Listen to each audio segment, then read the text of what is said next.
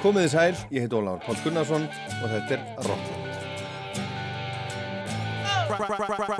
Right about now Þið auglýsið hitt og annað, hérna hitt og annað sem svo aldrei kemur. Það var bara ekki auglýst, það var auglýst hvennasöng.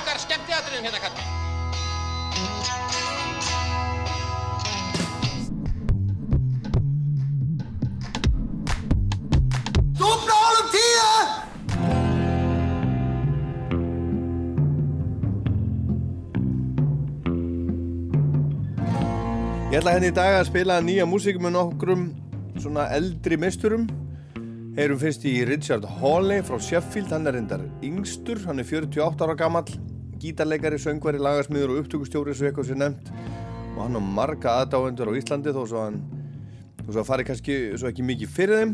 Hann sendi nýlega frá sér plötu sem heitir Hollow Meadows og við heyrum lög af henni auk þess sem við rifjum upp símavital sem ég átti við hann þegar síðasta plata kom út fyrir þremur árum frábær tónlistamæður. Svo er það Don Henley, trommari og söngvari úr Eagles, hann er sá sem syngur Hotel California til dæmis. Hann er hann 68 ára gammal og var að senda frá sér fyrstu plötuna í 15 ár. Hún heitir Cass County eftir gömlu sveitinni sem hann ólst upp í í Texas. David Frick sem var hérna á Airwaves, bladamæður hjá Rolling Stone, gaf plötunni fjóra stjórnur af 5. Við heyrum af plötunni og lögafinni í þættinum og eftir. Brian Johnson, söngvari ACDC, kemur líka við sögu en hann er jafnaldri Don Henley, 68 ára gammal og svo er það Eidur Arnason fyrir um útgáðustjóri hjá Skífunni og Senu, hann skrifaði áhaverðan pistil um tónlist á netinu á vef kjarnans núna í vikunni. Hann er að tala þar um tekjumöguleika tónlistamanna í dag miða við áður, plötusölu og svona Hann er höfundur tónlistamöður, tónleikahaldari og framkvæmda stjóri félags sljómplötu framleiðenda og starfar einnig við stafvaranna dreifingu tónlistar og hann segir í þessu pisli meðal annars tónlistin er líklega svo liskriðin sem við getum fæst lifað án, hún er allt um líkjandi, hún er hljóðurás lífs okkar flestra. Framtíð íslenskra tónlistar er best tryggð með því að neyta hennar og njóta löglega á þann hátt sem tryggir réttlátt endurgjald til handa þeim sem skapana. Eður heimsækja mig hérna í þáttinu eftir og svo heyrum við í ammælisbarni vikunar, stór ammæliskalli vikunar Neil Young sem var sjötugur í vikunni. Hann kemur við sögu hérna undir lokþáttarins en mér langar að byrja á honum líka og minnast í leiðinni fólksins sem var myrt á föstudaginn í París.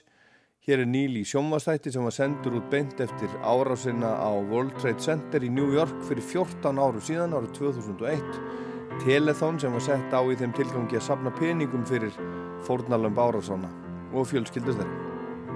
Imagine there's no heaven.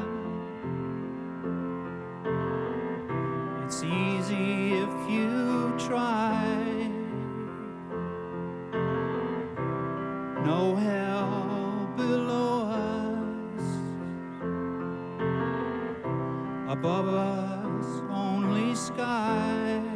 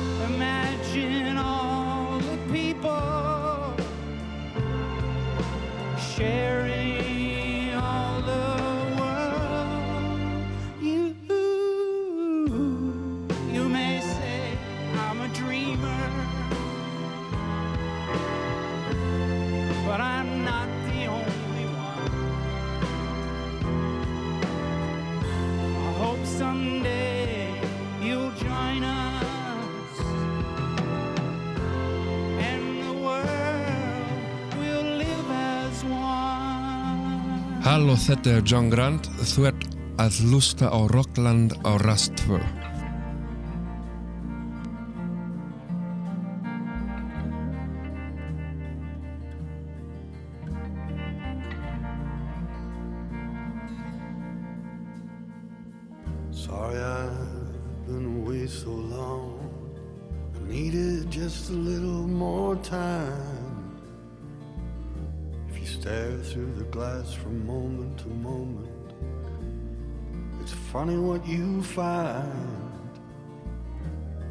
think I'm almost ready to step back into your frame.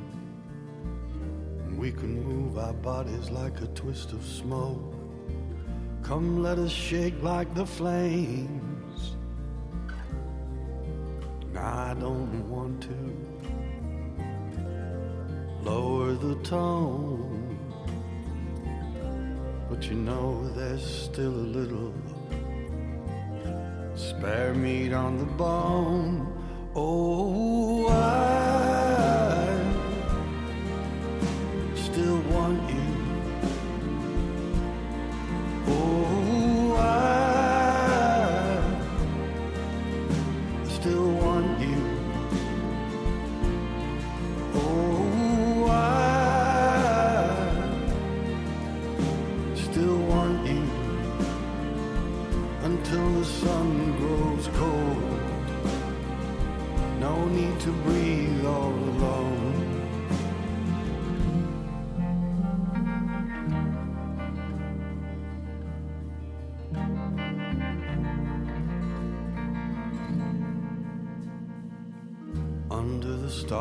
is a sweet hollow meadow where the lost things are found.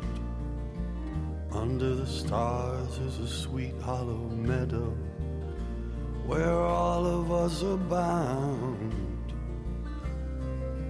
I don't want to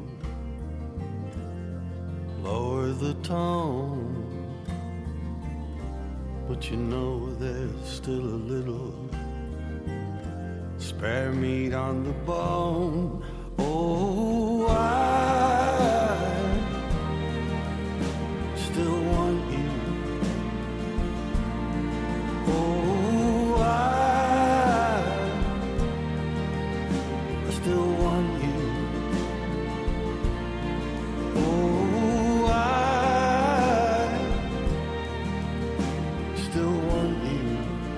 Hann heitir Richard Hawley þessi náungi, fættur í janúar 1967, 48 ára gammal, gítarleikari, söngvari, laga og textahöfundur, upptökustjóri og margt fleira á sér tölvört marga aðdáfundur á Íslandi veit ég þó að það er kannski ekki svo mikið fyrir þeim.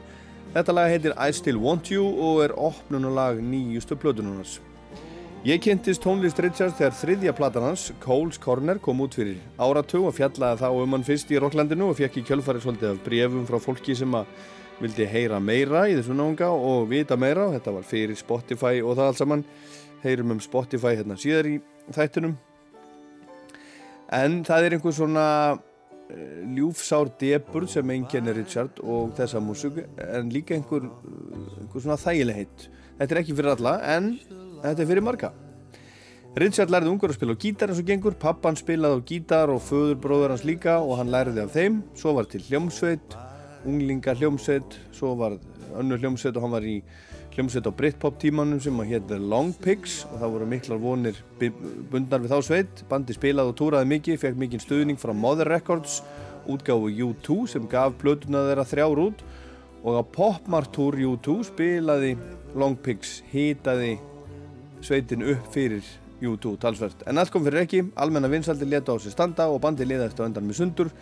Strákarnir í hljómsveitinu löngu komnir með ógeð hver á öðrum og það vantaði svona einhvern grundvöll einhvern veginn, þetta, þetta gekk bara ekki og það var mikið drukkið og dópað í þessu bandi og það var svo gammal vinnur og félagi úr grunnskóla sem bjargaði Richard eiginlega. Jarvis Cocker söngur í Pulp en Richard byrjaði að spila með Pulp árið 2000 sem svona auka gítarleikari og hann hefur sagt að Jarvis vinnur hans hafi reynlega bjargað lífi sínu. Og þá var Jarvis Cocker líka sem hvatti Richard til að drífa sig í hljóðver og taka upp plötu og hann ákvaði að taka áskorunni, gera svo sólarplötu, fyrstu sólarplötunni sína. Og ekki síst vegna þess að kærast annars til margar ára, sambíliskona þráttur er allt sökkið og svínarið og allt sem hafi gengið á hún var duglega hvetjan líka og pappans líka. Hann saði við hann ekki býða með að gera plötu þannig til að vera gamall kall og hugsar anskotin, ég hefði átt að gera þetta þegar ég var yngri. Nú eru plötunar orðnar sjötalsins og þessi nýjasta heitir Hollow Meadows.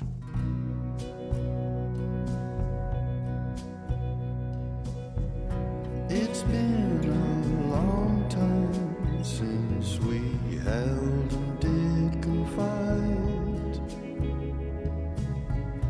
The stars are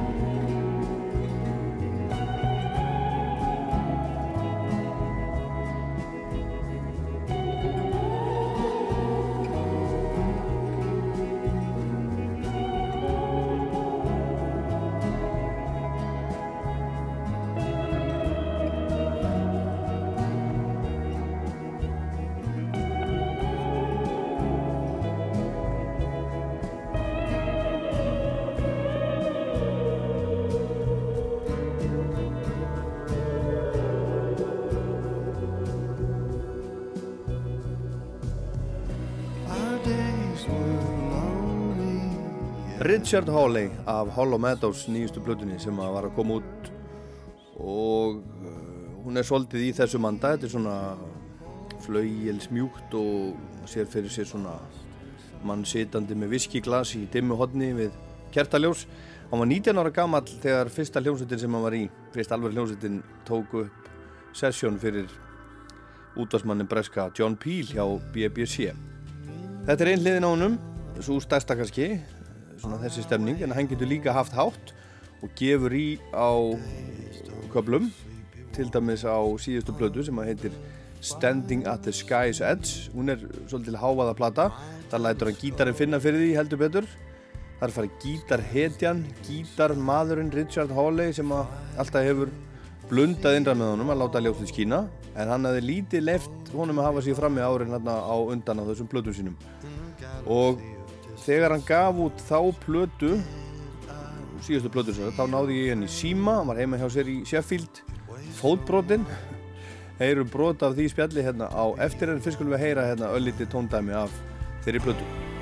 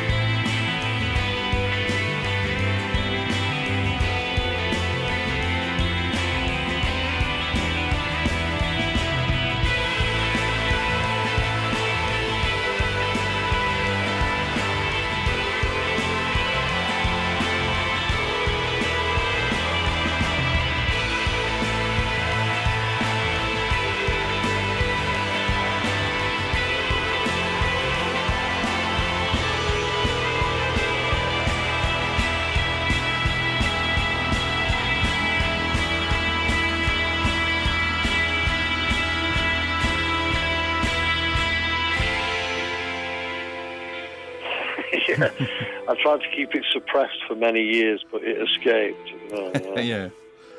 Beast on the loose Yeah, you know, I mean, I, I I grew up with a guitar. You know, my, my father was a guitar player. My uncle's a guitar player. My grandfather was. You know, and they, they were, you know, loud rock guitarists, really blues players. You know, and and country players, and, and that was kind of something I grew up with. It was never something, you know, that oh, I've just discovered this. That was there from childhood. You know, I guess when I started making records on my own, the the thing that was important, I I suppose, was was because before, uh, I, mean, I guess 10, 12 years ago, excuse me, when when I sort of started releasing records on my own, was that at that point in time I was known as a guitar player, and uh, it was very important for me because parallel to that childhood, I'd always written songs, you know, from being very very young. And the thing with, with a lot of guitar players that go solo is that they tend to make really, really awful records. you know, and, and uh, pa- parallel to to kind of, you know, m- uh, me being known as a guitar player, I, I, I've always written songs since, since being very young. So it was really important for me to kind of suppress the guitarist and let the songwriter and the singer kind of rise, you know. And um, and you know that meant that the guitar playing side of things had to take a, a complementary but a backseat role. And I don't think that's necessarily changed with the new record. It's just I've turned things up. You know? Yeah, It's, it's, yeah. it's not like, it's not complicated, Oliver. It's really simple. and I hope that it's effective too. You know. Þetta var um vorið 2012 sem við spjöllum saman í, í síma Jú, Richard Hawley og, og hann var að segja þarna að gítarinn hafi alltaf verið aðalautur ekki honum. Hann var fyrst og fremst þekktur sem gítarleikari heima í Sheffield áður en hann fór sjálfur að gera plötur. Og hann kemur af ætt gítarleikari eins og ég sagði. Pappas var gítarleikari og föðubróður hans og meira segja af hans. Og þeir spiluðu hátt segir hann, þeir spiluðu rock og blues. En svo fór hann að gera plötur og með það á bakveirað hvað gítarleikarar gera átt lélegar plötur þá vildi hann setja fókusinn á lagasmiðin og söngvaran en hann hefur verið að semja lög síðan hann byrjaði að spila sem unglingur. Og hann hefur undanföldum árum gefið þá myndasverð að hann sé Gretz maður hann spilar mikið á Gretz ramaskítar eins og hann sést með utan á plötunni sinni Ladies Bridge frá 2007 en hann spilar alls ekki bara á Gretz saðan mér, líka á Fender til dæmis. Og auk þess að gefa út þessar plötur sínar og veruna í Long Pigs á tíund áratögnum og spilir í með Pulp á síðast áratög þá hefur hann unnið með fjölda annara listamanna eins og Natalie Bruglia, Robbie Williams, Frank Black, Nelly Hooper, Shirley Bassey, Hank Marvin og Paul Weller og Nancy Sinatra og fleirum. Og svo er hann mikill vinnur Sheffield strákana í Arctic Monkeys og svo syngur hann eitt lag á nýjustu plötu Manic Street Preachers líka. Eða næst nýjustu plötunni þeirra. Rewind the Film, titilægið og hann hefur áinnið sér svona sess, hann hefur verið kallaður The Elvis of Sheffield. Það heyrið það, það er svona einhver, einhver Elvis uh, stemning yfir þessu öllu saman. Greiðslan og, og klæðnaðurinn og ýmislegt. Og oft hefur hann í gegnum árin hugsað sér að hætta þessu bara. Þetta hefur ekki alltaf verið dans á rósum. Oft hefur hann alltaf að leggja gítarinn á hilluna og fara að einbytta sér að einhverju alvöru, fá sér alvöru vinnu. Well, I mean, the thing is with, with, with music, I guess that, I mean, now I've been, I, of- I've been doing what I've been doing for 30 years now. And there's, there's many other, many occasions, you know, along that kind of uh, period of time where I thought, you know, maybe I should start doing something worthwhile and useful, you know. And, and uh, you know, I've, I've had a very, very long relationship with my wife. You know, we've been together for 22 years, and I, I think if at last, I think she's seen that that, that uh, you know what I do is is is uh, it's okay, no, I'm only joking. But uh, you know, lots of times, you know, along the way, you just think, oh God, this is so frustrating, and it drives you mad that you're trying to get people to listen and they don't, and and but really. Along the way, it- it's been enjoyable, you know, and it's been something that has given me a lot of um, sustenance emotionally that I don't think I would have got if I'd have I'd have done a normal job, you know, at all. Já, hann er búinn að vera að uh, spila músík í 35 ár eitthvað sliðis og oft hefur hann hugsað hvort hann ætti að fara að gera eitthvað annað, eitthvað sem, að- sem að skipti máli. Og mér skilst á honum að þessi ég hef lesið og þessi maður segir að konan hans hafi stutt hann alla tíð og staðið við bakið á honum. Þau eru búin að vera saman í meir en aldarfjórðung, hann er, hann er 48 ára eins og ég saði á þann. Stundum oft hefur þetta bras verið erfitt og hann hefur hugsað með sér að þetta borgir sig ekki en svo er þetta líka svo gefandi stundum og oft að hann er þokkalega sáttur og ekki vissum að hann hefði getað tollað í einhverju svona venjulegu jobbi. Þetta er merkilegu maður, mér finnst hann frábær tónlistamæður og hann hefur þurft að ganga í gegnum súrt og sætt. Hann fættist með, með klofin góm og skarð í vör og frá því hann fættist og hanga til hann var 16 ára gamall þá þurfti hann að ganga stundum meirinn 30 aðgerðir á andlitun á sér.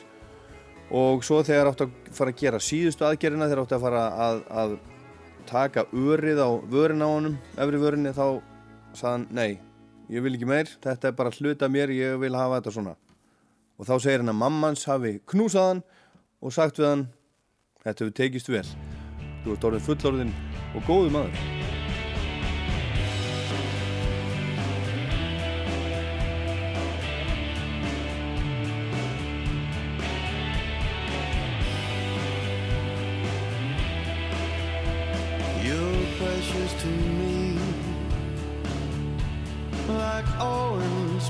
poetry, and wish you well, my heart of oak.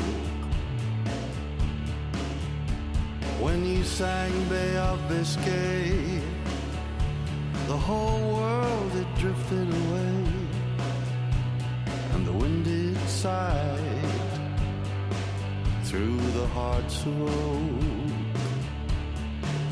I'll always be beside my heart of oak.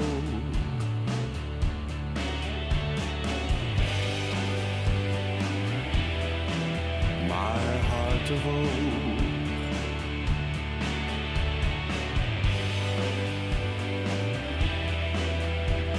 You're precious to me, like Blake's poetry. Wish you well, bold-hearted oak, with your arms raised open wide, singing to the skies. What a mighty soul. With a heart of oak. Can't be bought or sold not the heart of oak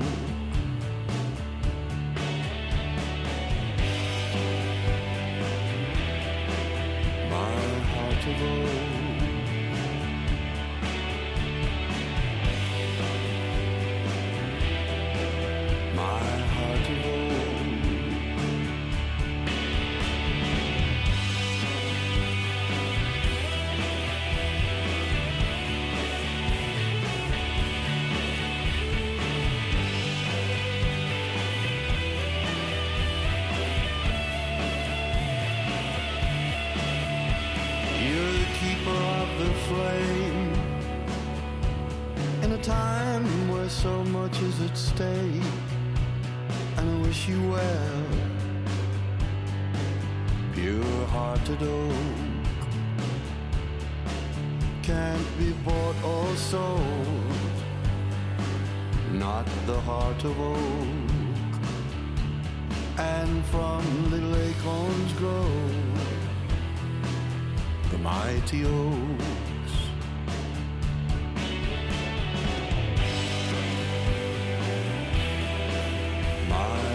Oak.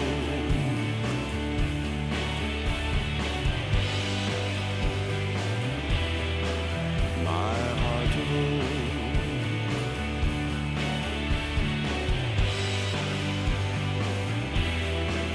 My heart of.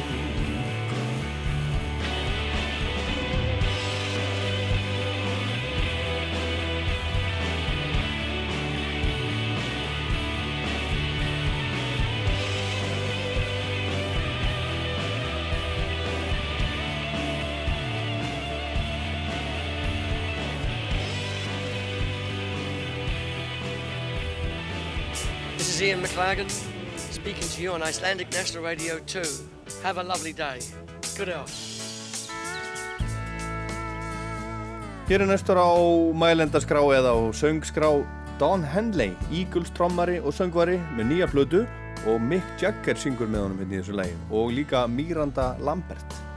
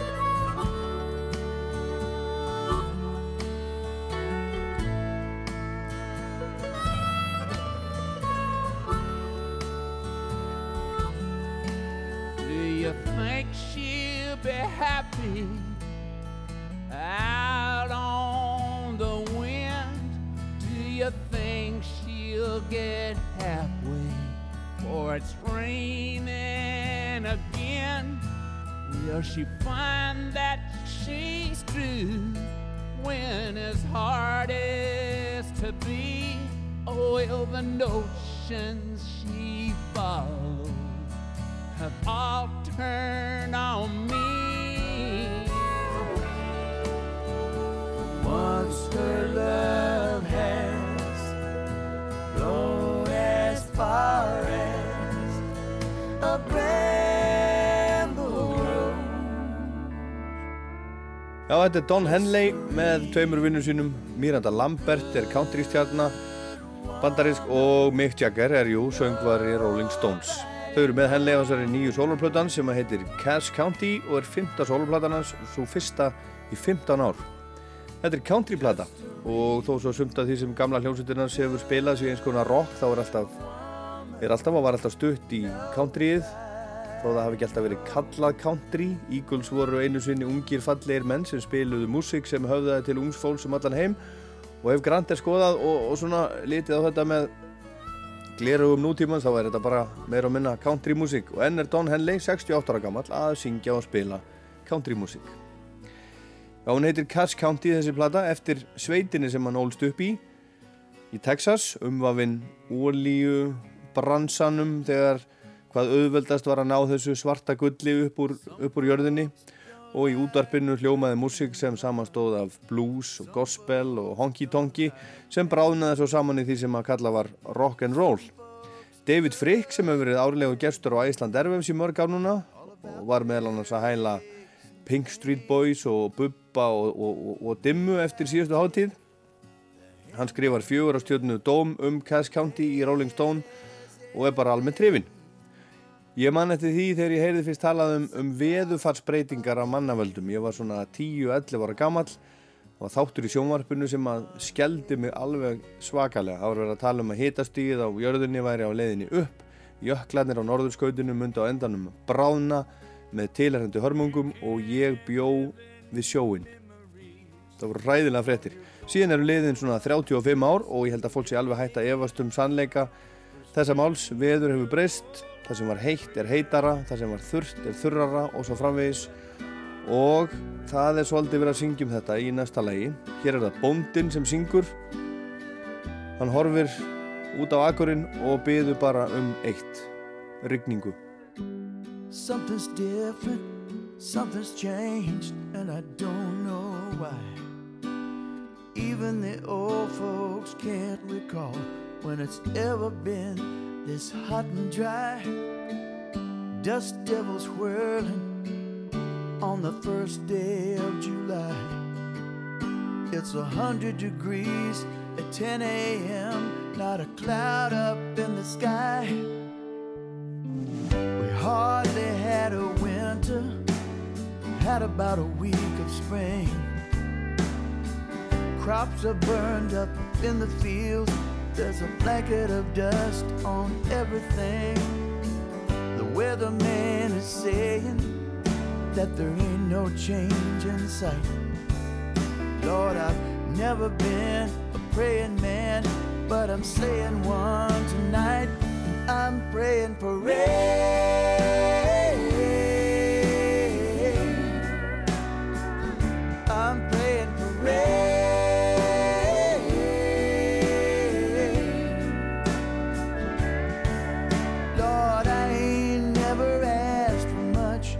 And I don't mean to complain. But I'm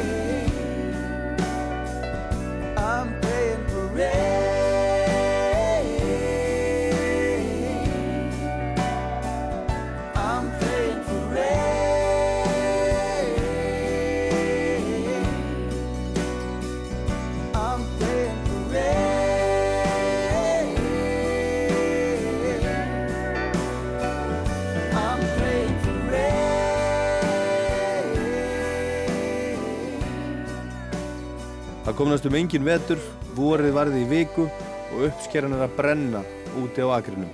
Og ef hann fer ekki að rigna er allt ónýtt, engin uppskera, engin peningar. Þetta er Don Henley af nýju plötunni sinni og þetta er í bakgröndum hjá honum Trisha Yearwood og Alison Krauss og hann segir hérna I ain't no wise man, but I'm no fool. I believe that Mother Nature has taken us to school.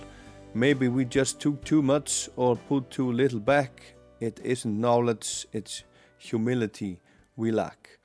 Þessi plata fór beint í fyrsta sæti bandarinska country vinsaldalistans þegar hún kom út. Fyrsta plata henlist til þess að ná því og þriðja sæti náðun á stóra poplistanum. Sjöunda sæti náðun á vinsaldalistanum í Breitlandi.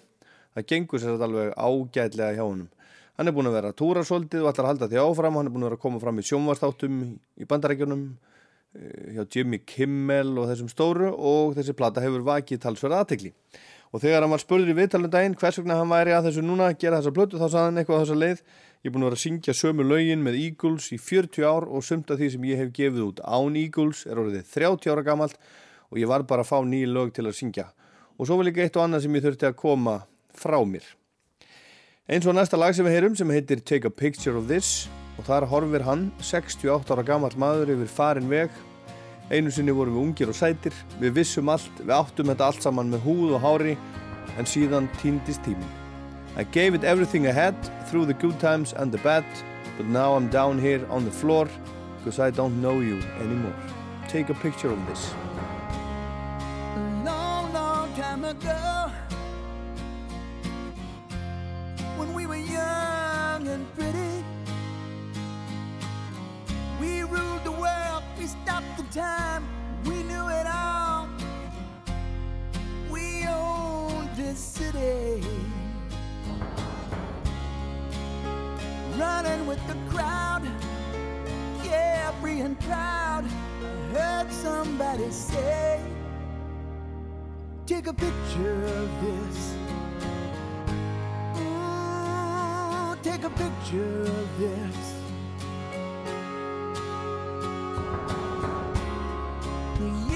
Went rushing by, in the twinkling of an eye.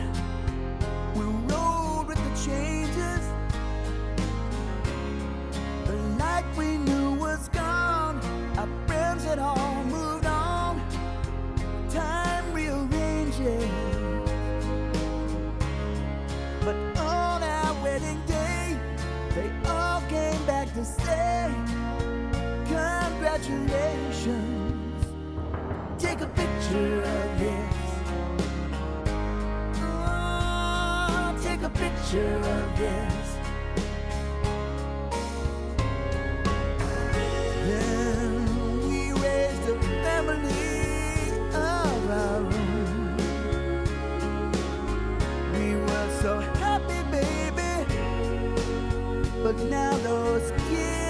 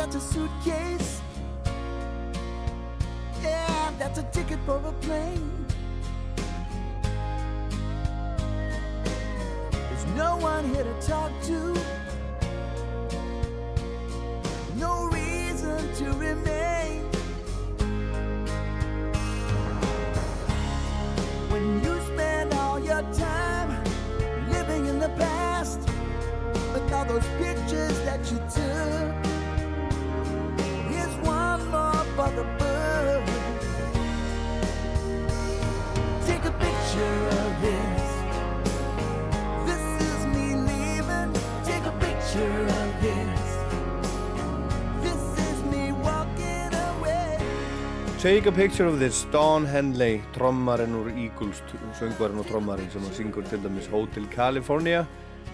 Þetta er af nýju plötunar sem að heitir Cass County. Og uh, þetta eru ekki allt lög eftir hann sjálfan á þessari plötu og með luxusútgáfu er eitthvað af aukalögum til dæmis sem eru ekki eftir, eftir hann. Og það eru hressir country slagar á þessari plötu en það eru sístu lögin finnst mér, ég er hrifnar af þessum svona hægari einlægu lögunum eins og, eins og síðasta læginu, eins og læginu hérna áðan og, og, og læginu sem ég ætla að spila næst, síðasta læginu sem við heyrum á þessari plötu.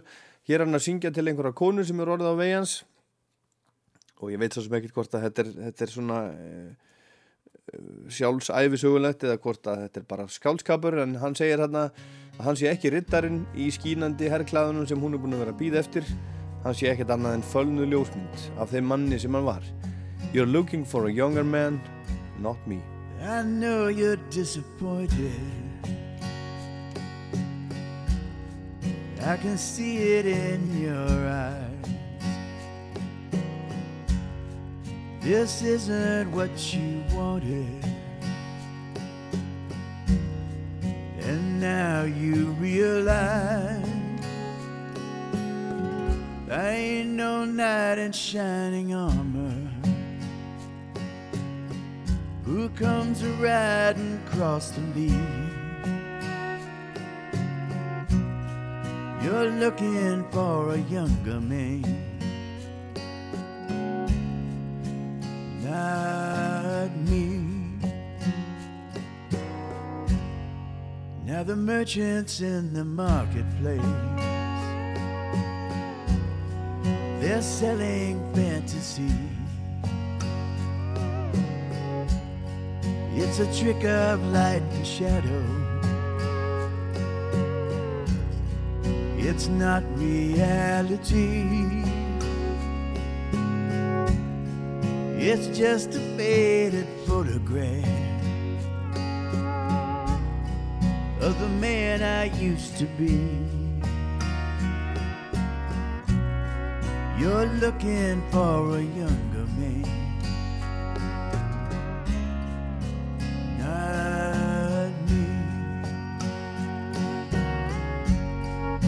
I knew the day I met you. It was never gonna last. You're an angel from the future.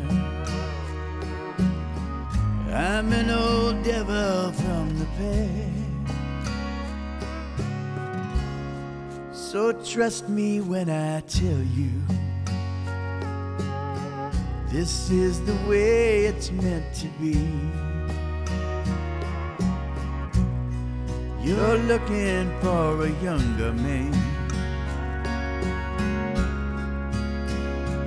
Not me. You're looking for a younger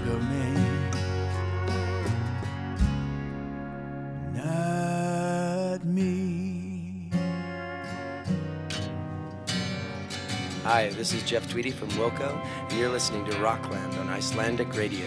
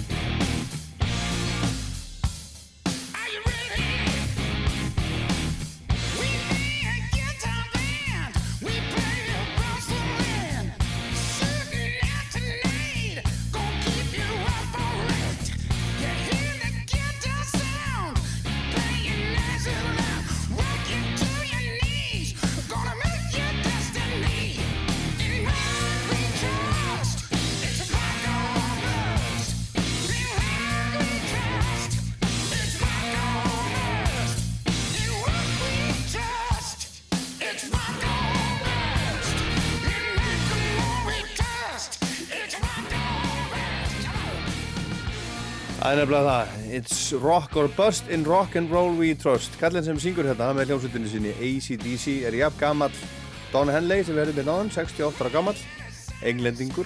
Brian Johnson heitir hann, var 68 ára 5. oktober síðastliðin. Og hérna er hann að syngja þetta lag titila nýjustu blödu ACDC. Hann fagnaði amælinu í bandarækjunum þar sem hljómsveitin hans var að ljúka við hennar stærstu tónleikaferð ásins. Trátt fyrir miklar vinsældir og frægð hljómsveitarinnar er ekki víst að allir þekki nafnið hans. Og eflaust gæti hann röllt upp og niður laugavegin óreittur þar að segja ef hann væri ekki með á höfðinu húinu sína sixpensara sem hann hefur verið með eða hefur verið hans einkennismerki í 35 ár eða svo.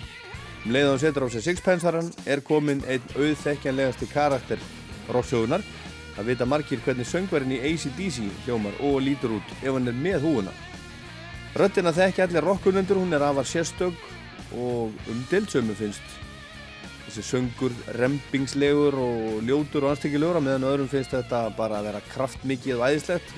Brakandi besti rockbarki allra tíma. Og sérstök er hún, þessi rödd.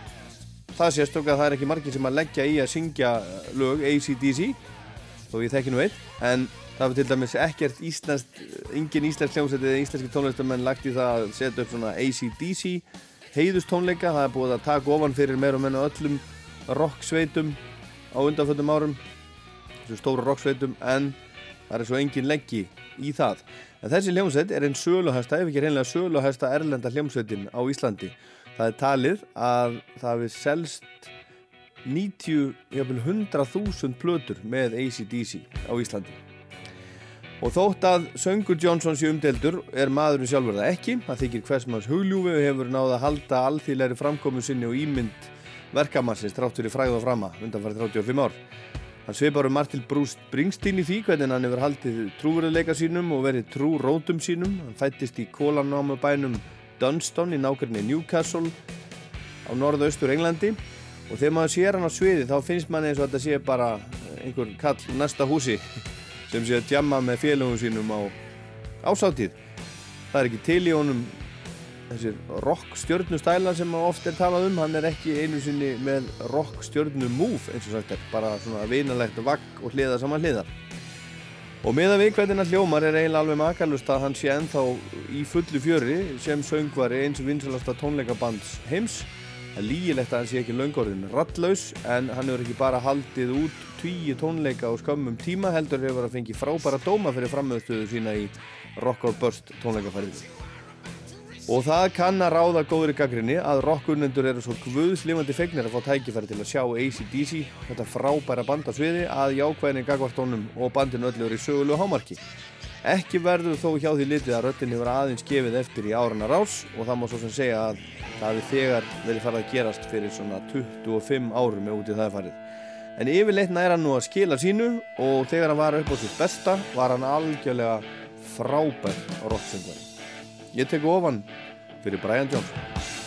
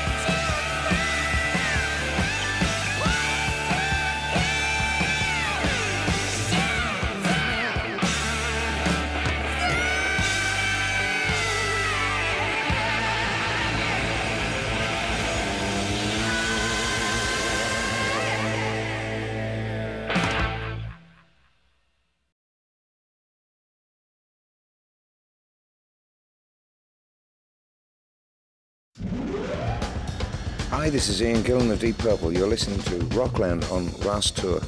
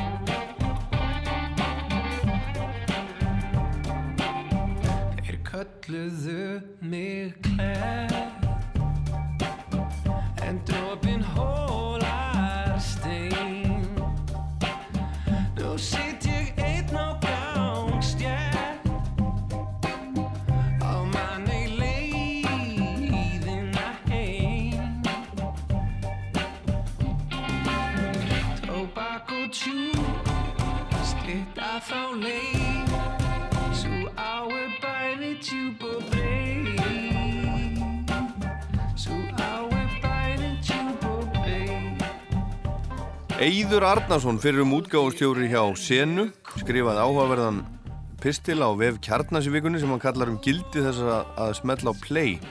Og Eyður er tónlistamæður, tónleikahaldari, framkvæmdastjóri félags hljómblötu framleiðenda og starfar líka við stafræna dreifingu tónlistarauk þess að vera bassarleikari tóttmóbil og hann er ekki komin, sæll og blessaður. Já, sæll. Velkomin Takk. Þú ert að, þú ert að fjalla hérna um, um breytingarna sem að hafa orðið á, á myndun tekna vegna, vegna hljóðritaðrar tónlistar.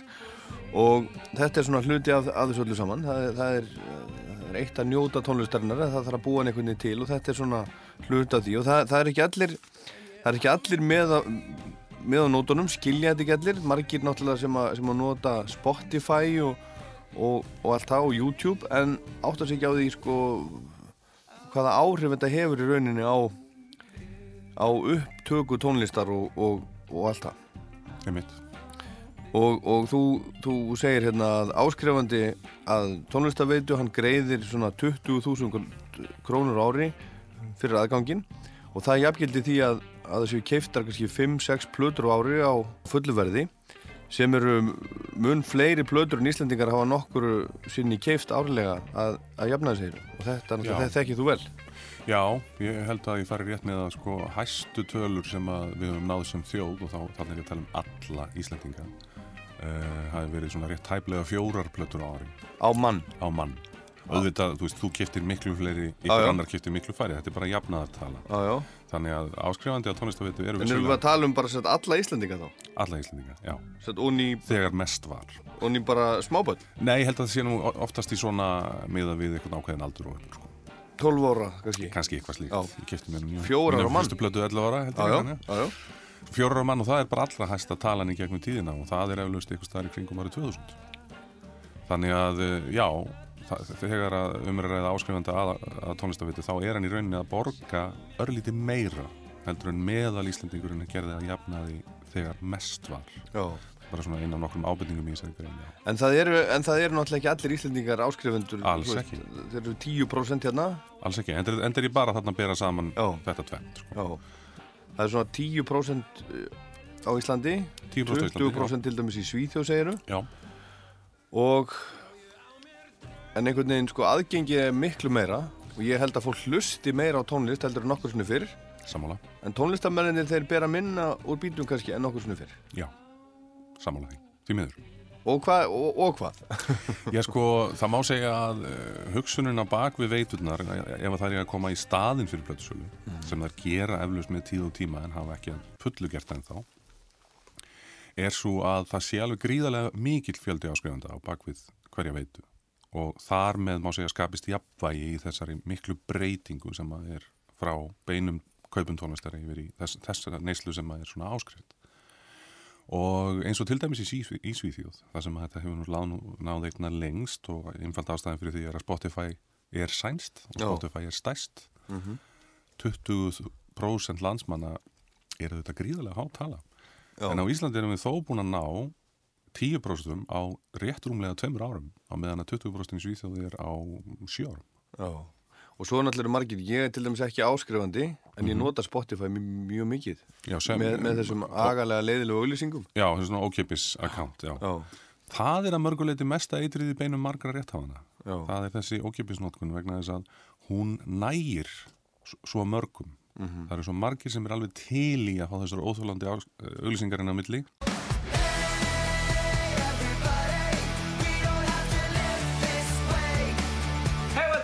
Five Seconds of Summer. You can listen to our album, Sounds Good, Feels Good, in full on Spotify right now.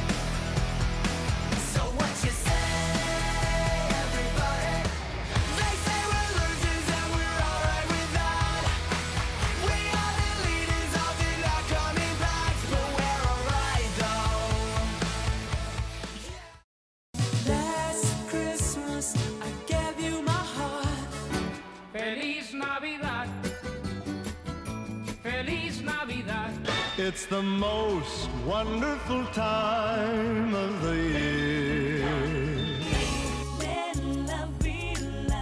Det er jul, det er cool, det er nu man hygger sig bedst.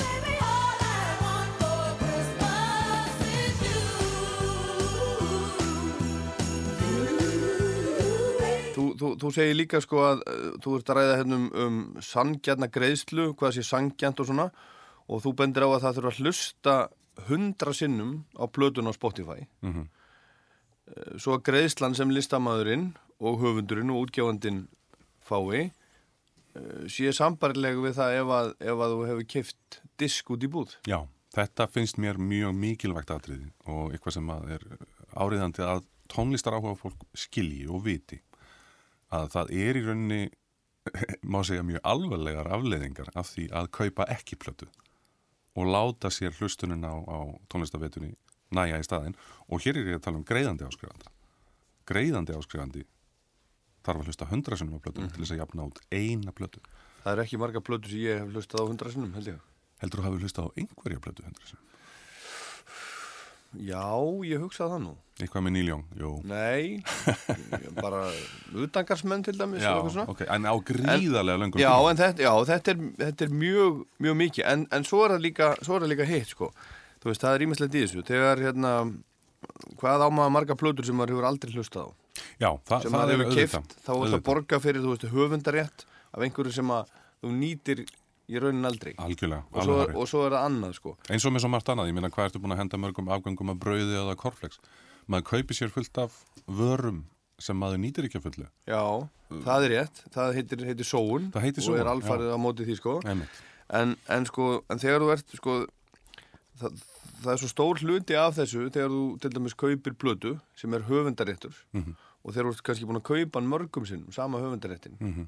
það er ekki, það er ekki alveg svo ef við horfum þetta sem eitthvað svona ósangirni og eitthvað svona, mm Mhm. þú veist þetta sé, sé þetta ekki réttlátt, Mhm. þá er það einhvern veginn ekki réttlátt heldur, það hefur svona trubla mig aðeins, þar að segja þegar þú þegar, þú kaupir sko hérna Sgt. Peppers Mhm. í sjötta skipti Já. og þú ert alltaf að borga jafn mikið, þú ert alltaf að borga höfundaréttin aftur og aftur, þó þú eigir sko Já, sjö eintök sko Þessi umræða hefur oft komið upp í gegnum tíðina og eðlilega, þetta er alveg sjónamið sem að er verðt að hlusta á að vissuleiti leysa tónlistaveitunar þetta algjörlega. Já. vegna þess að þá borgarðu bara óbeint í gegnum ásköndagjöndið í hver skipti sem þú hlustar. Mhm.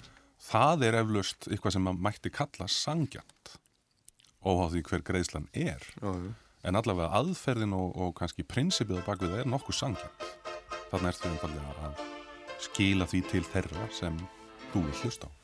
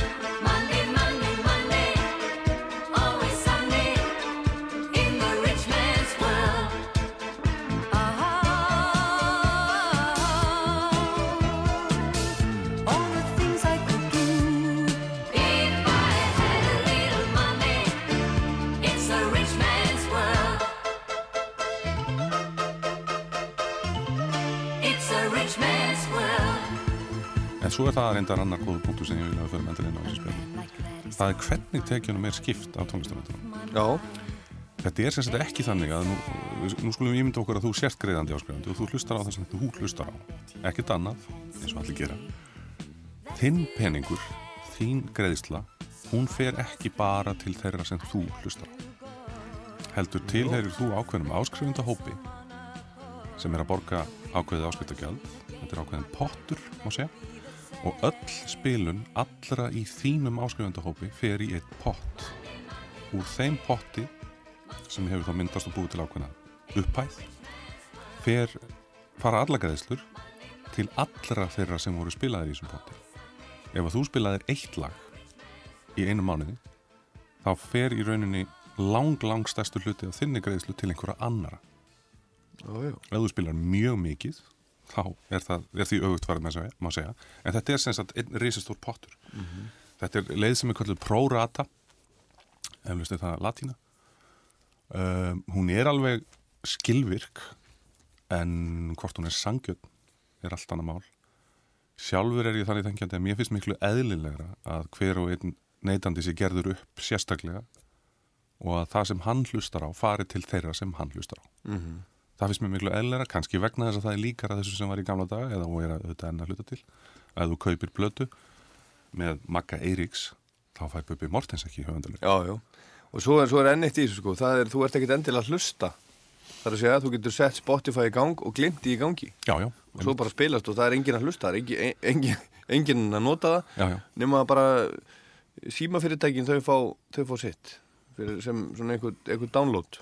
Já, já, uh, rétt auðvitað en er ekki bara langflestir með þannig gagnamagspakka í dag að tónlistastreimi er lítill hluti af.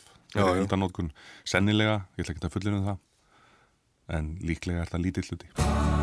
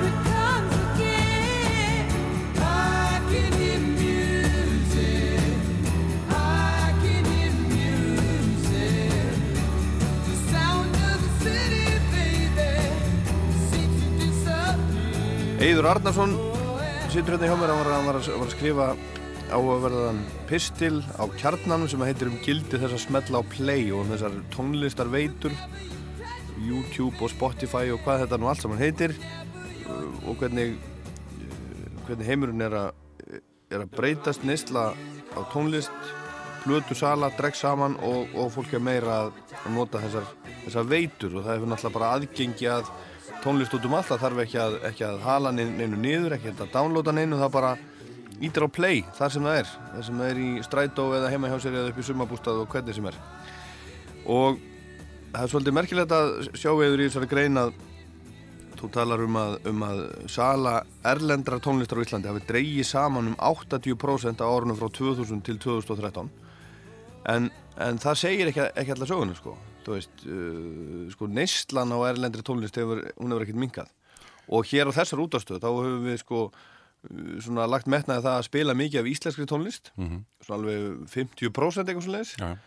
en ef maður skoðar þessar tölur á Spotify þá eru þær öðruvísi. Þá er neyslan á Íslandi ekki ekki 50% íslenskt eða neitt hannig og, og alls ekkert í samræmi við sko plötusaluna eins og hún var mest á íslenskri tónlist á undanfötum árum þegar það, það snerist alveg við, það var bara var hvað, 80% íslenskt eða ekki? Jú, það er í dag, næri því. Næri því að vera 80% íslenskt 70 til 80% Já, í, sölu. í alvöru, alvöru plötu í eintökum, já, já. Já, þetta, þetta er eitthvað sem að byrjaði að gerast upp úr 2000 að, og við veitum svo sem flest sem höfum fylgst með lengi hvað það var sem gerðist. Það var fyrst og fremst tilkoma hérna, Napster á sínum tíma og, og svo YouTube í kjölfærið og allt það. Og smátt og smátt mingaði öll sala á elendri tónlist alveg gríðarlega mikið og eins og, eins og kemur fram í greinum 80% núna á 13 árum. En á þessum sama tíma þá jógst aðgengið að tónlistin með tækni, þessum tæknilegu leðum enda núna þegar að loksins aftur kemur upp á yfirborðið hver hinn raunverulega neysla er á elendri tónlist á Íslandi þá kemur í ljós að hún er ennþá tiltölulega svipuð og hún var hlutvarslega árið 2000 Já. cirka 70, jafnvel upp undir 80% af allir spilun á veitunum sem er sjálfvalin spilun það er mjög Mhm. erfitt að byrja það saman við útvarp vegna þess að þar ræður hlustandin ekki sjálfur Já, já. þannig að þegar það er sjálfvalin spilun þá er það, þetta kannski 70-80% sem er ellend þetta getur skýrst af ímsu eins og bara til dæmis því að það er ekkit öll íslensk tónlist til á Spotify Mhm. Eiginlega- En voða mikið samt. Mjög mikið, en, en ekkert nálagt í öll. Það er miklu, miklu hærra hlutfall af íslenski tónlist til á tónlist.is. Það er næstum því allt. Næstum því allir útgefin íslensk tónlist til. Á þess að við veit nákvæmlega um það, þá myndi ég giska á að á Spotify sé til kannski svona tveir þriðju. Já. En hvað með þetta, þetta ólöglega niðurhal sem að, sem að tröllarið öllu hérna Mhm. fyrir nokkrum árum? Það er eins og sé búi. Ég þekki voða fáa sem eru að, sem eru að svona sækja heilar plötur eitthvað á netið til þess að, að hlusta. Það er bara, fólk ítir bara á play í símanu sínum á Spotify. Já, það er að mörguleiti besti hlutin af allir þessari tróun. Að öll tónlistaneslan, ekki öll, ok, þannig er ég ekki uh, rísastór hluti af allir tónlistaneslu í dag, sérstaklega þeirri stafrunu, hún er orðin lögleg. Hún er komin upp á yfirbörðu og hún skilar greiðslum til rétthafa. Það er algjörlega frábær þróun, enda hver ætti að nenna standi í að vera að leita að einhverjum misgáðulegum hljóðskráma á einhverjum skráskipti síðum þegar þú getur nýtt jafn frábæra þjónust og þessar veitur bjóða. Það sem þú ert með alltaf rétta lagið í fínustu hljómgjöðum sem getur jafnvel valið hversum góð eru. Þetta er opið allan sólarhengin alltaf hvar sem þú snettengdur. Þetta er frábær þjónusta. Þannig að Já, ég myndi allavega, ég, ég skal alveg viðkynna það að ég hef sótt í gegnum tíðina þá tónlist sem ég hef þurft að sækja af einhverjum ástæðum eftir þeim leiðum sem maður voru í bóði, ég er Mhm. löngu, löngu, löngu hættur því, af því að þetta kemur svo gersanlega í staðin.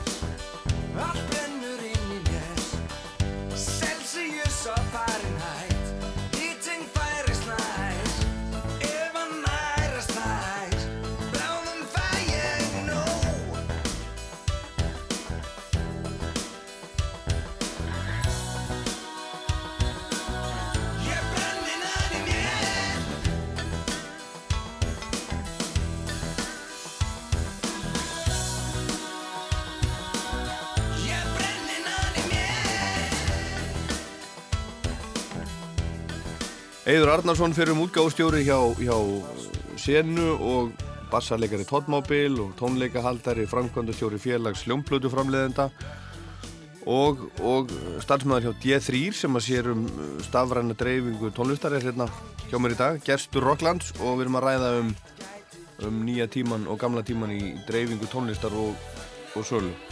Og Spotify og allt þetta uh, sko ég held, held eður, ég held að sko að sko þeir sem að hérna gengu í hús og heimsóttu fólk í þeim tilgangi í gamla daga að fá lánaða plötur til þess að fara með heim og taka upp á kassettu.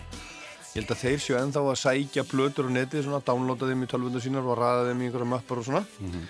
En, en flestir þeir sem að hafa bara í gegnum tíðina hlustað útarpið eða svona verið bara sáttur við það sem þeir hafa fengið hér og þar svona það sem hef, þeim hefur verið búið upp á. Þeir séu mikið að nota Spotify og svo geta þeir auðvitað leitað og leitað einhverju gömlu upp á haldi og fylgst með því sem er nýtt spilað playlista sem einhver er að setja saman og svona. Þannig að þetta er, þetta er allt saman mjög áhugavert. En þessar minkandi tekjur af þessu þær, er, þær eru, eru minkandi Mjög, já. og það hefur áhrif á, á sko í rauninni framleiðislu tónlistarina þar að segja, það kostar að taka upp plötu, það hefur alltaf verið þannig, það þarf að fara í stúdíó og til þess að þetta hljómi nú almennilega, þá er, þá er gott að fara, þó svo að það séu margir auðvitað að taka upp heima hjá sér og allavega hana, þá, þá er það samt þannig að áður en að endalega afurðir send út, þá, þá þarf hann að fara í gegnum einhvern almennilegt stúdíó þar sem einhver vanum maður er kannski að hljóðblanda, mixa og mastera og bara það eitt kostar alveg hellinga penningum og, og, og þegar fólk sér ekki fram að það lengur að fá peningarna sína tilbaka útgefandi, hvort sem það er einhvert fyrirtæki eða hljómsveitir sjálf eða, eitthvað, þá kannski bara er ekki tekið upp eða hvað? Það er auðvitað ákveðin hætt á því allavega að hvað ég var að segja, kvartningin til þess að skapa eitthvað nýtt, búa til nýjar upptökur uh, það dragi úr henni.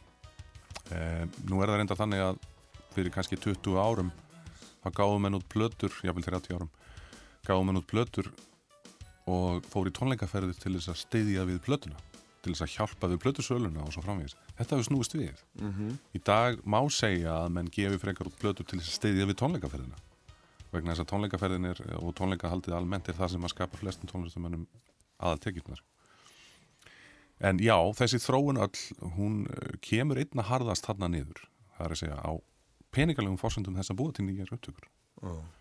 og uh, þegar að um er að ræða eins og til dæmis hér á Íslandi á síðustu 7 árum næri 50% minkun á sölu og ekki nema kannski 1,50 af þessum 50% er komin tilbaka í stafrænum tekjum á móti þá myndast mikill vandi við að fjármagna En er þetta ekki bara alltaf, þú veist, verður þetta ekki alltaf í svona uh, sífældri þróun einhvern veginn? Og, og ég menna, nú er þetta snúist við, nú, nú fer fólk á tónleika með U2 og finnst ekkert mál að borga 25, 30, 40 þúsund fyrir miðan, sko. Mhm.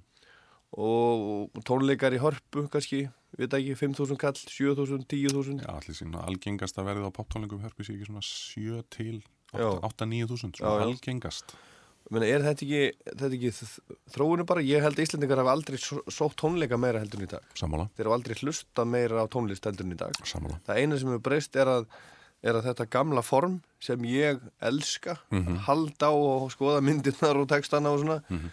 Það bara gengur ekki lengur nema, í, nema svona fyrir þá allra hörðustu. Já, mm, já, við skulum heldur ekki íkja hvað þetta varðar þráttur er alltaf og eru sko, svo ég haldi mér nú peningana uh, sko 60% af öllum tekjunum í íslenska tónlistamæri sem koma ennþá Já, frá þannig. formum Þannig að þetta er 60%. langt í frá eitthvað Já, m- margur heldur mig sig stundum sagt, fólki Já. hættir mjög til þess að, að sko íkja þróuninu og fara fram úr þróuninu í lýsingum á Mhm. Þetta er hins vegar þetta alltaf þróist í þessa átt, við skulum ekki draga neitt úr því. En uh, þetta er semt sem áður þannig að fjárhagslega er physical formatið, föstu formin eru þau enda alveg gríðarlega mikilvæg fyrir Já. íslenska tón- tónlistar sem er og eiginlega algjör forsenda. Það er gott, það er gott Það að heyra þetta. og, og hérna og vonandi heldur, heldur þetta áfram. Þú, þú talar um hérna líka eh, hérna eitt enn áður en ég sleppi þér. Mhm. þú óskar eftir, eftir, eftir sko opinbörum stuðningi er það málið? Ég held, þurfi, ég held að það þurfi að koma til nú, nú einfallega veit ég að það er verið að vinna að slíkum málum og það er afskaplega jákvæmt og gott Ég held að það einfallega þurfi til. Það er svoleiði stöðningur mjög víða í allskins listgreinum á Íslandi. Við þurfum ekki að leita lengra en aðþreyingarna sem stendur við hliðin á tónlistinni, kvikmyndan. Það er rísastór kvikmyndasjóður til. Af hverju er ekki til tónlistarsjóður sem er hugsaður til þess að steyðja við framlýslu? Hann er sem betur fyrir vinslu og vonandi stýttst mjög í að hann komi á, hann, honum verið komið á koppin og það verður hjálp í því og það byrja að þakka fyrir það. Um, sumum líkar ekki við ofnbyrjan stöðning um, en það er nú bara einu sinni þannig að listgreinar almennt þurfa mjög gjarnan á ofnbyrjan stöðningi og Já. menningarlífið almennt þarf mjög gjarnan á ofnbyrjan stöðningi að halda Og pappi þarf að smyrja keðjun á hjólinu svo að börnin geti hjólað. Já, nákvæmlega, ég meina væri ekki líf okkar allra dálítið mikið fátaglega ef að menningarinn er nýtt ekki við Ég held það. Eður, takk fyrir þetta. Ein loka spurning, ert þú ekki að fara að spila í, í Royal Albert Hall með Tóttmóbil? Við erum að vinna í því ha? Við erum að vinna í því, það er mjög skemmtilegt verkefni það gengur hægt Er það? En það gengur Er búið að, að bóka húsið? Mm, Það eru konar dagsetningar upp á borð, já Já við, Þetta er nú ekki þannig að við ætlum bara að standa þarna sjö Íslandingandir upp á sviði og Nei, reyna það er einhverjar, einhverjar stjórnir að- að- með ykkur. Jú, jú, það er Og hvenar er þetta ef, að, ef að þetta alltaf maður gengur? e, Í fyrsta lag eftir ár Fyrsta lagi eftir ár? Já Og hverir alltaf að vera hugsalega með ykkur? Er það Lendó? Eh, það, nei, það er í sjálfsög ekki Lindó Það er John Anderson, söngur í Yes og Steve Hackett, gítilegar úr Genesis Þeir eru báður búin að segja já Þeim fannst þetta algjörlega geðvikt að spila með okkur hérna í Eldborg í, í, fyrir á þessu ári og í hitti fyrir og ljómuðun bara, Já, satt að segja á sviðinu Þannig að þeir eru svo sannlega að segja já en við erum á að segja bara að leita að þriðja hjólinu. Okkur finnst einni viðbót þeirra málið. Hver það á nákvæmlega vera er annar mál, við, við erum alveg opið fyrir hugmyndum. En þetta er spennandi og skemmtilegt verkefni. Takk fyrir komin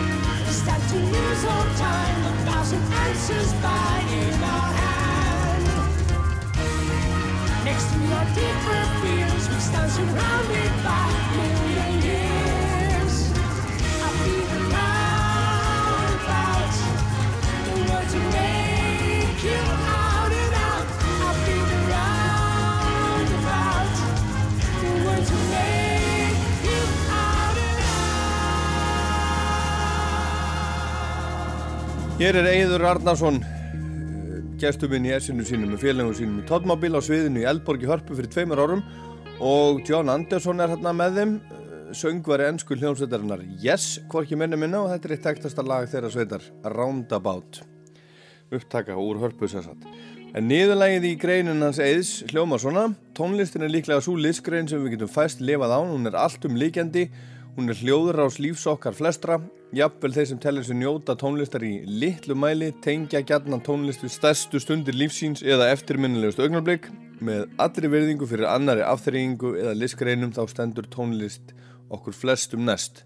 Framtíð íslenskara tónlistar er best tryggð með því að neyta hennar og njóta löglega á þann hátt sem tryggir réttlátt endurgjald til handa þeim sem skapana This is uh, Nick Cave, and you're listening to Rouse Tour Rockland.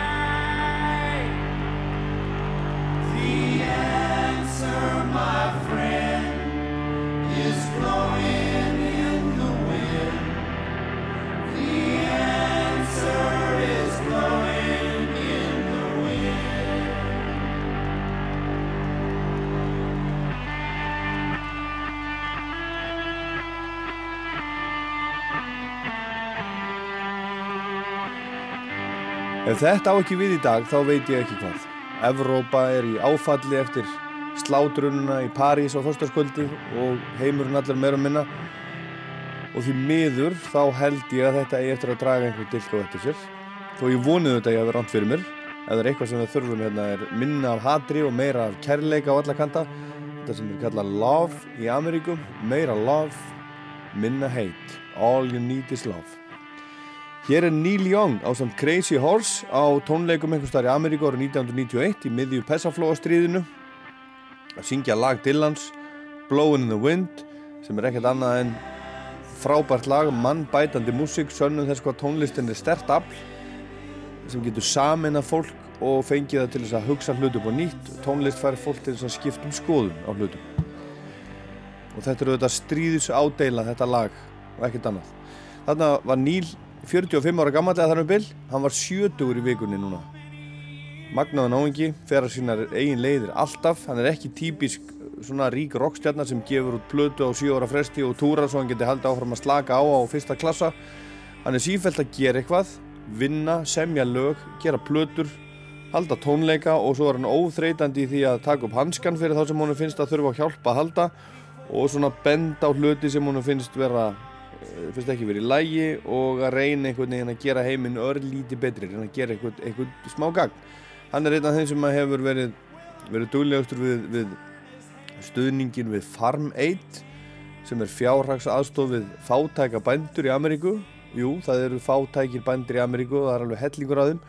Kerfið og veðrið hafa leikið í marga grátt og hverju ári í næstum 30 ári hefur hann komið fram á árlegum Farm Aid góðgeratónleikum og e, nýjasta platanars er svona tengd þessu, hún heitir Monsanto Years og þar er hann að vekja aðtikla því hvernig stórfyrirtækið Monsanto fer með smábændur í Ameríku, kannski sérstaklega, og jörðina umhverfið. Þetta er gamalt fyrirtæki, stofnað 1901, hagnaðast uppháflega á sakkaríni sem að framleiti fyrir Coca-Cola og í dag er Monsanto stór framleiðandi skordýra eiturs sem er mikið notaður í, í landbúnaði og þetta er til dæmis fyrirtæki sem framleiðir Roundup sem margir þekkja og kaupa í blómaval eða einhver starf.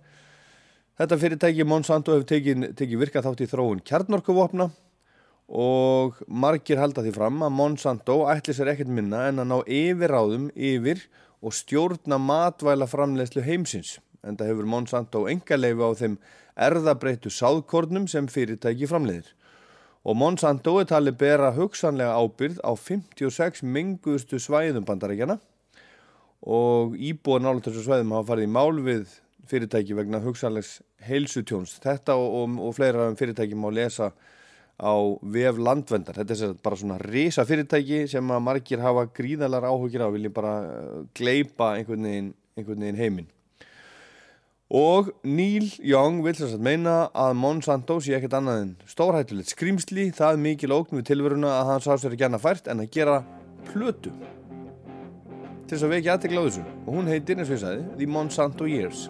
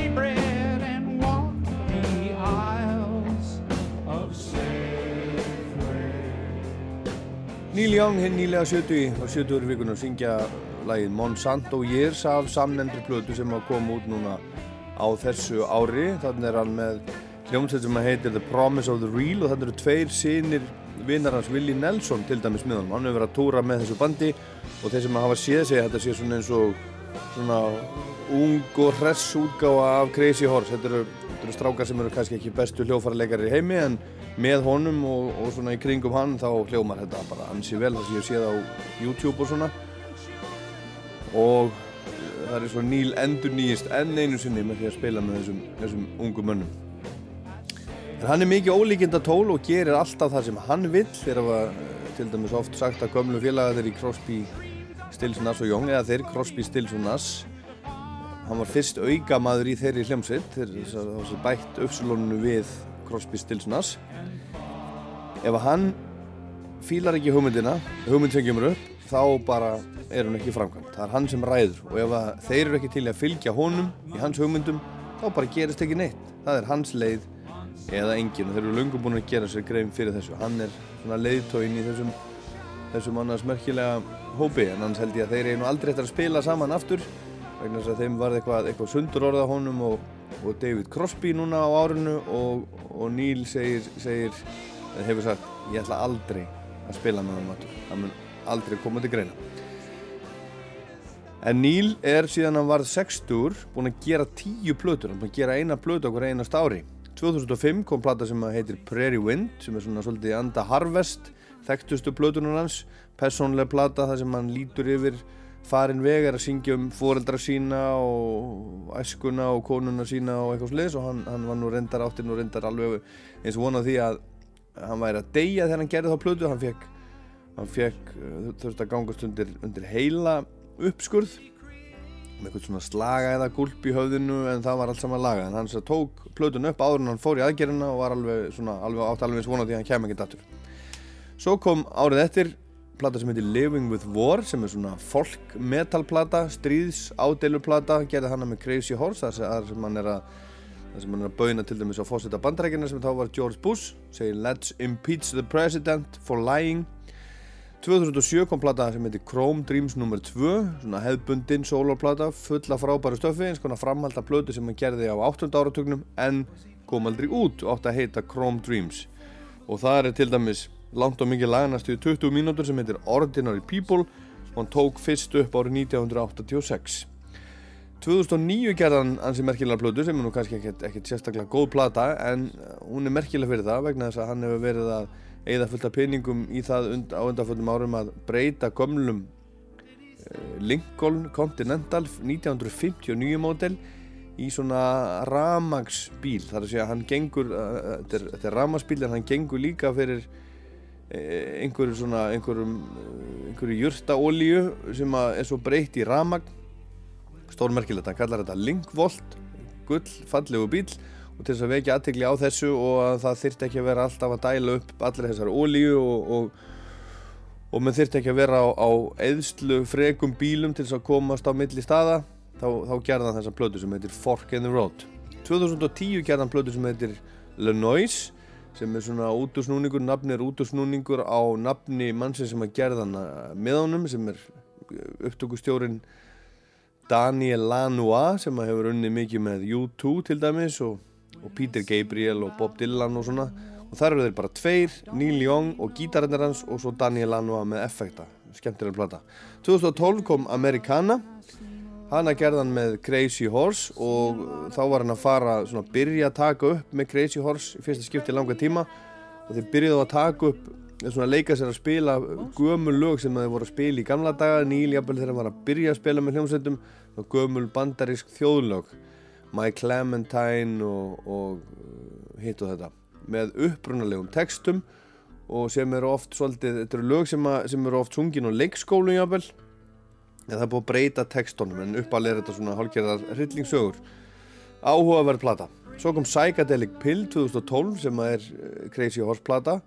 Frábær tvöfaldur diskur lengsta læð er 27 mínútur og tvö önnur eru tæpar 17 Svo kom Letter Home 2014, það er líka skrítin og skemmtilega plata, þetta er, þetta er svo margt af þessu skrítið, hann gerði hanna í upptökuklefanum hjá Jack White í Third Man Records í Memphis.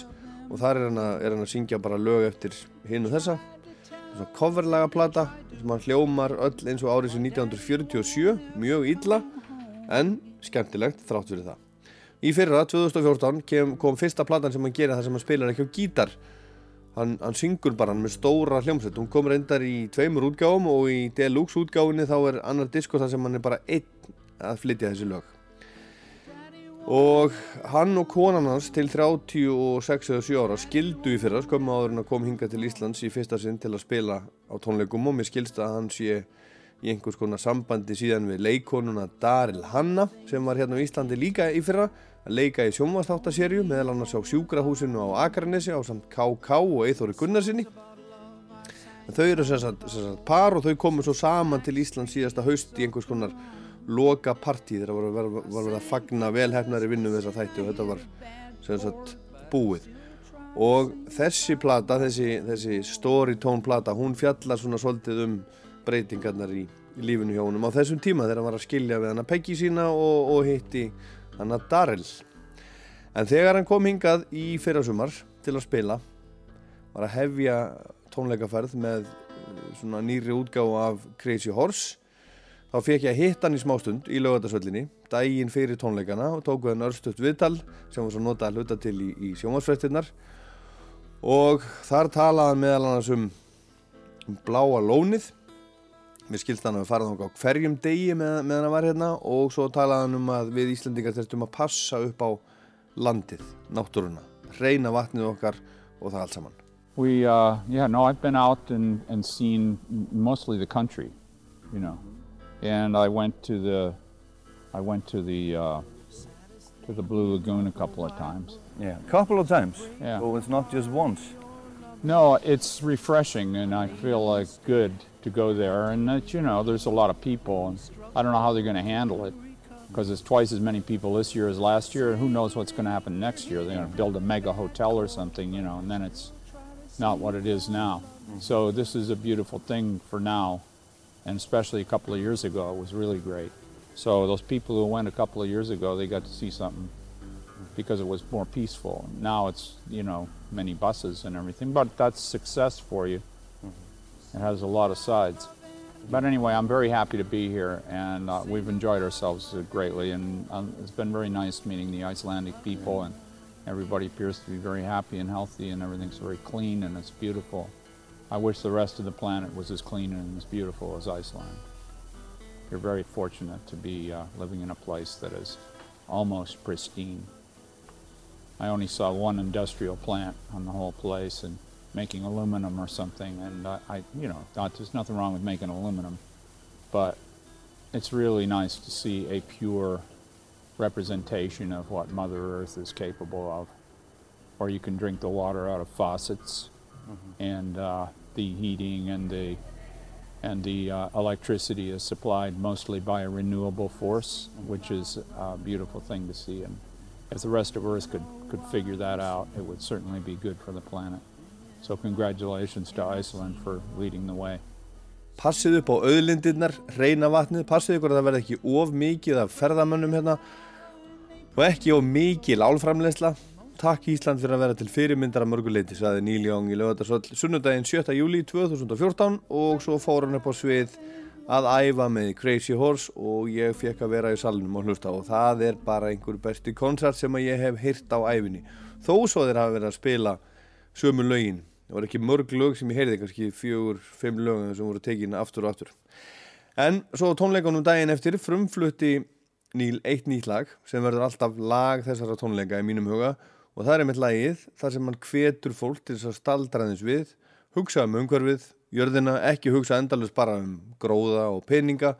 Það þarf ekki alla þessa ólíu og við erum að eigðilegja jörðina með því að vera að vinna ólíu úr uh, sandi í rauninni, ólíu sandsteini einhverjum og við þurfum ekki allar þessar virkjanir endilega, þessar stóru vesmiður. Það eru þessi hlutir sem eru að drepa jörðina og stefna lífi barnan okkar og barnabarnana í hættu. Breyta loftslægin. Who's gonna stand up and save the earth? Syngu Níl. Þetta var Rockland. Ég heit Ólaður Póll Gunnarsson. Tek undir með honum. Takk fyrir að hlusta.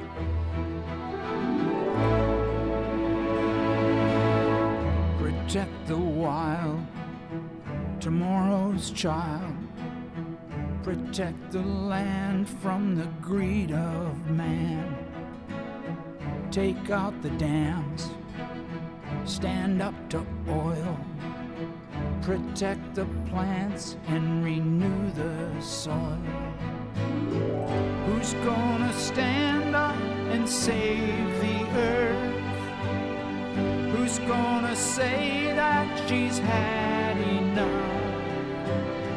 Who's gonna take on the big machine?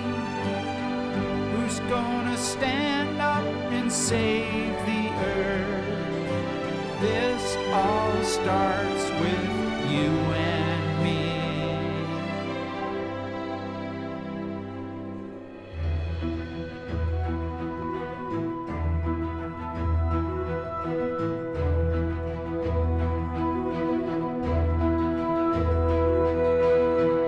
and fossil fuel. Draw the line before we build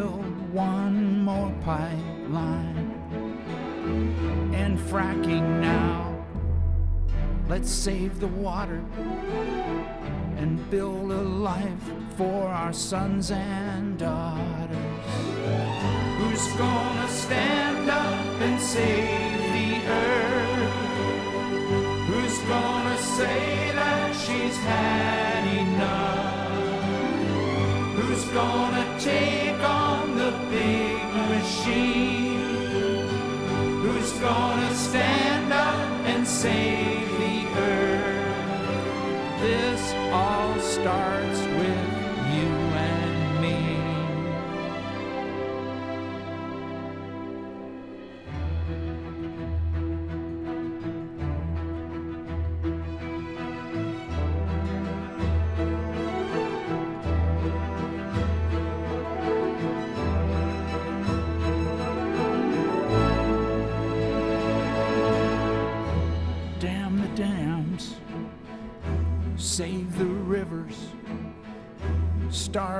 takers, and feed the givers. Let's build the green and save the world.